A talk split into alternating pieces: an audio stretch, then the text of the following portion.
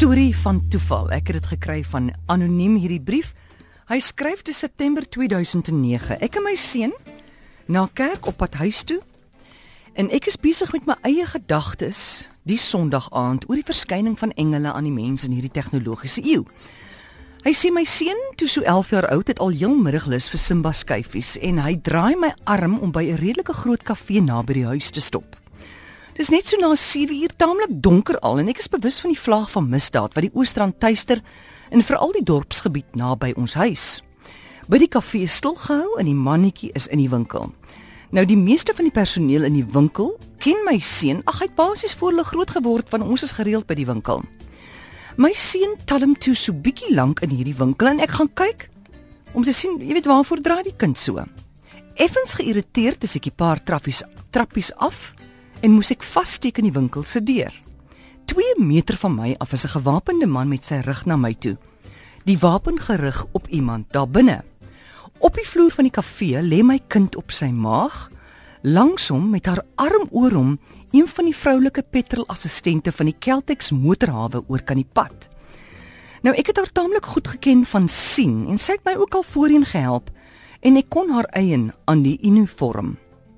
Natuurlik was ek lam van skok en ek is agteruit terug kar toe. Na 10 lang sekondes het die skote begin klap en ek het die kafee ingestorm, my seun aan die skouer gegryp en uitgehardloop kar toe. Skaars in die motor kom twee manne met wapens uit. Vier paar skote op ons in die motor en die motor beweeg toe al agteruit. Gelukkig is ons nie raak geskiet nie en dis 'n genade. Noodloos om te sê, my seun wou etlike maande daarna nie sy voete in die kafee sit nie wat 'n mens kan verstaan. Maar nou hier is die toeval van die storie. Ongeveer 3 jaar daarna is ek en my seun weer kafee toe, saam. En die Madala agter by die slap chips toonbank is so bly om ons te sien. Hy wil net weet hoe gaan dit met my seun en veral hoe gaan dit met sy sussie. En hy vertel so tussendeur vir die werker langs hom wat die aand gebeur het met die gewapende roof. Jong meneer kyk hom so aan, maar 'n maand daarna daarna gaan loer ek weer daar aan toe die kafee nou stiller is en ek sê vir hom hoorie so, ehm um, uh, uh hoekom het jy gevra hoe gaan dit met my seun se suster want ek het nie 'n dogter nie. Ehm um, en jy behoort mos te weet, my my kind het nie 'n sussie nie. Hy begin toe vertel en my mond hang oop. Hy sê: "Die aand van die skietery het het daar 'n meisie langs my seun op die vloer gelê, 'n wit meisie met goue hare en 'n lang wit rok." Hoe meer ek hom vertel, dit was die swart meisie van Celtex wat langs hom gelê het in rooi en groen klere, hoe meer vererg hy hom vir my en gaan roep 'n vrou uit die kombuis. Sy vertel my dieselfde storie behalwe dat dit dit dis nou haar weergawe, né? Sy het 'n engel gesien langs my seun. Sy vertel toe nee sy die uh, Celtex meisie langs hom gesien. Hy sê hy gaan toe na Celtex toe praat met die eienaar. Hy ken hom half. Hy verduidelik hom die storie en die Celtex eienaar sê ja, hy onthou die aand natuurlik van die roof, almal onthou dit daar in daai omgewing. Hy sê en hy hy sê hy verwys toe na die petrolassistente wat volgens hom nou die aand sy seun beskerm het. Hy onthou so vaag weg. Hy sê wag wag, gaan haal die petrolassistente laat sy kom vertel.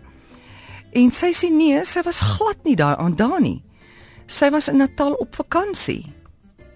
Ehm um, sy het eers gehoor daarvan toe sy teruggekom het. Nou sê anoniem vir my, hy sê my gevolgtrekking was die toeval dat ons daai aand by die kafee moes wees. Hy sê ek as predikant wat twyfel oor die bestaan van engele in die era van moderne tegnologie. Die feit dat die meisie van die volstasie nie gewerk het nie, maar tog het ek haar gesien sê hy. Was dit toeval dat die vrou in die kafee iets of iemand hemels moes sien? Ek het afgelei. Sy het gesê die meisie op die vloer het sy gesien as 'n engel en die man saam met haar het dit ook gesien, maar sy eie vertolking gehad daaroor. En ek ek was ook daar, maar sien iemand anders wat nie die aand gewerk het nie. Was dit toeval dat ek daardie aand moes sien wat ek nie wou sien nie en nie meer kon twyfel nie?